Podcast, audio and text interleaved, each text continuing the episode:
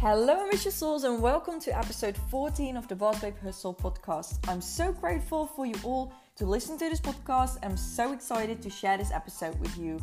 So, my name is Ilse, I'm 24 years old, and I live in the Netherlands. I run my own social media business and a community of hundreds of ambitious women worldwide. I'm extremely passionate about helping women to step into their feminine energy and to coach them on how to become independent in any area of their life. And that's what this podcast is all about. I would appreciate it if you could share a screenshot of this podcast on your social media. That means the world to me. In this episode, we dive deeper into the subject of how to manifest your dreams. Okay, so a lot of people ask me how I manifested my dream life, how I manifested having time freedom, having financial freedom, how I manifested working for myself, and how I manifested to get my brand new Audi Q2 S line, which I got last week, um, which is absolutely unreal that my vision board became reality for like so many times right now. So the basics lie down in knowing exactly what you want in life. So who are you and what do you want? So, as most of you know, I run my own network marketing business and it wasn't always easy. Like, it wasn't always this way. I was raised to get a normal 9 to 5 job, to save a lot of money, and to live an average life. Just go get them good grades, my dad always said. And I'm super grateful about my past and I'm super grateful what my parents taught me um, and the way the par- my parents raised me. But in fact, they made me realize that I was different and I wanted something else. So instead of blaming the past, my parents raised me this way and I'm not raised as an entrepreneur. I don't have an entrepreneurial vibe or something like that. I was extremely grateful because my parents were like are like average people who live an average life and that's totally fine. That's totally fine. But they taught me that that was something what I didn't want. You know, I wanted something else. So by knowing what I didn't want, I knew what I want in life. So I always said that I was going to do something extraordinary to my friends in school.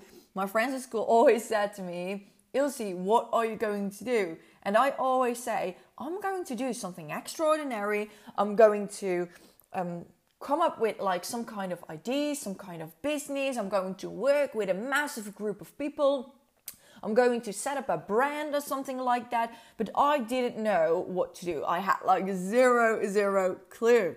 But then when I was working in my full time job and I acted as if I was happy, but I wasn't happy, then somebody came on my path and she just popped me an opportunity. She just put me a message and handed me an opportunity um, to start my online business. And I thought she was crazy. And I could be the negative Nelly that I always was at that time. But something in me said, Ilse, do this, do this, please. You get handed this opportunity, and this could be the door to the life you want. The extraordinary thing you always talk about. So I did. I just did it. I was like, okay, I'm, I have nothing to lose. The only thing I've got to lose is time, and time will pass anyways. So I decided to start, I decided to go all in, and it changed my life completely. And this is three years ago. And the day today, I've helped over a thousand people to earn an extra income online. I've launched my own network marketing course. I've launched my own network marketing knowledge sessions. I've launched my own podcast. And I brought most of my dreams, which are on my vision board, to become like a real- reality. They became true. And I know that there are a lot of people out here who want this too. So, who are in network marketing struggling or who are not in network marketing. And there are a lot of elements you need to implement to understand and understand. But I want to like give you one piece of advice that has to do with manifestation. And that helped me to lay the basics where I am, to lead me to the life where I am today. Because you know that I always talk a lot about work, hard work, consistency, action, action, action. And that's totally true. But the key, like the basic stuff, is the manifesting. It's manifesting what you want and bringing it into action, and then it's going to become reality. So I'm not going to talk about the action right now. I'm going to talk about how to manifest your dream life.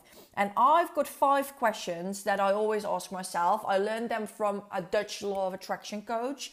Um, and I actually made them a bit different for myself and for my business partners. And please pick a pen and a paper right now, or your notifications on your fo- like on your phone when you are traveling or something like that, or otherwise like stop doing this podcast, stop listening to this podcast right now, and do like continue when you're home. Um, because these questions are going to lay the basics for you. They're going to change your life completely because you know exactly where you want to go when you have stated these questions down and you have gave an answer to them. So, what means success to you? Write it down. You want success, but what does success mean to you? Write this in your current situation, so the day you are today. You want to be successful in network marketing or any other online business, but what does it exactly mean to you? And I ask you straight away, what means success to you? Can you tell me really specific, like really that you can measure it, what success means to you? State down a few things, like five things or four things or less, but not more, what success means to you. And you can do it in an affirmation form. So you can say, I am successful when. For example, I am successful when I have $10,000, which I earn each and every single month with my online business, because then I can build my, save enough money to build my dream house. This is really specific. So don't say, I am successful when I've got enough time, I've got enough money, because that's not how what you can measure because what's enough money what's enough time it's not specific enough so you don't know what you work for. So that's question 1 what does success mean to you? Question 2 is what does time freedom means to you? Because in network marketing we all say i've got time freedom i've got time freedom or i want time freedom. But what does time freedom means to you does it mean that you have two hours more in a week? Does it mean that you have 10 hours more in a week? Does it mean that you work full time on your business and you've got like 20 hours each week to do stuff with your children? I don't know. What does time freedom means to you? Question number three What does financial freedom means to you? Because we also say, besides the time freedom, I want financial freedom, but my financial freedom is not your financial freedom. Maybe my financial freedom to do whatever I want. So to build my dream house, to build my dream house in Spain, to get my new car, to uh, to do everything what I want is ten thousand each month, for example. But maybe for you it's five thousand or two thousand. I don't know, but state it down. What is your financial freedom number each month? Question number four why are you not in the place you want to be yet? Because there needs to be something why you're not in the place you want to be yet. There needs to be something that's holding you back. You need to ignore some stuff. You need maybe to, maybe you don't put enough action into it. Maybe you're not manifesting enough. Please state it out. Question four Why are you not in the place you want to be yet? And question five What is your limiting belief that keeps you from your success? So, a limiting belief, for the people who don't know, a limiting belief is something you tell yourself, but what isn't the truth. So, for example, oh, I don't think people think, um, I don't think people are very positive about my business. Oh, people hate it when I post stuff on social media. Oh, people are so negative about my business you don't know because who are the people exactly? You've got like millions or like billions of people in the world. So is is each and every single one of the billion of billions of people in the world or trillion of people in the world is is that exactly like are they negative about your business? Are they negative about you like it's your limiting belief and that comes from some kind of situation you've been through in the past so make sure that you stay down what your limiting belief is that keeps you from your success. Okay, so that's question five. So then we've got five questions, and maybe you think like Ilse, is this the way to manifest my dreams? Yes, make sure you stay down these questions each and every single month.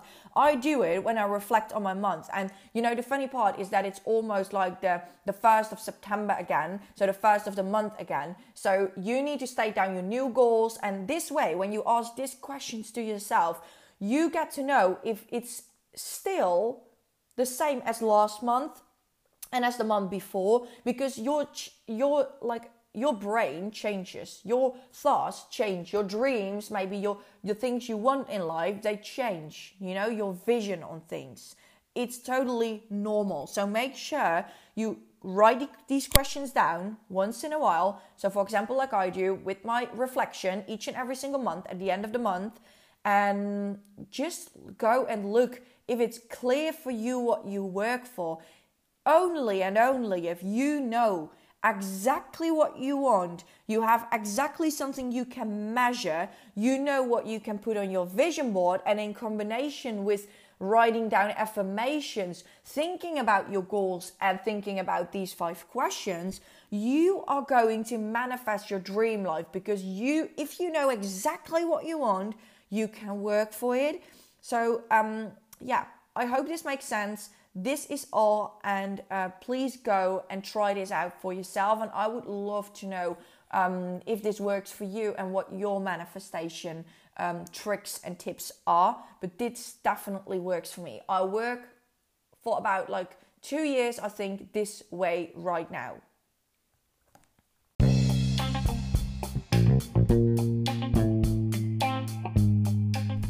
Thank you so much for listening to episode 14 of the Boss Hustle podcast. I would appreciate it if you could share a screenshot of this podcast on your social media.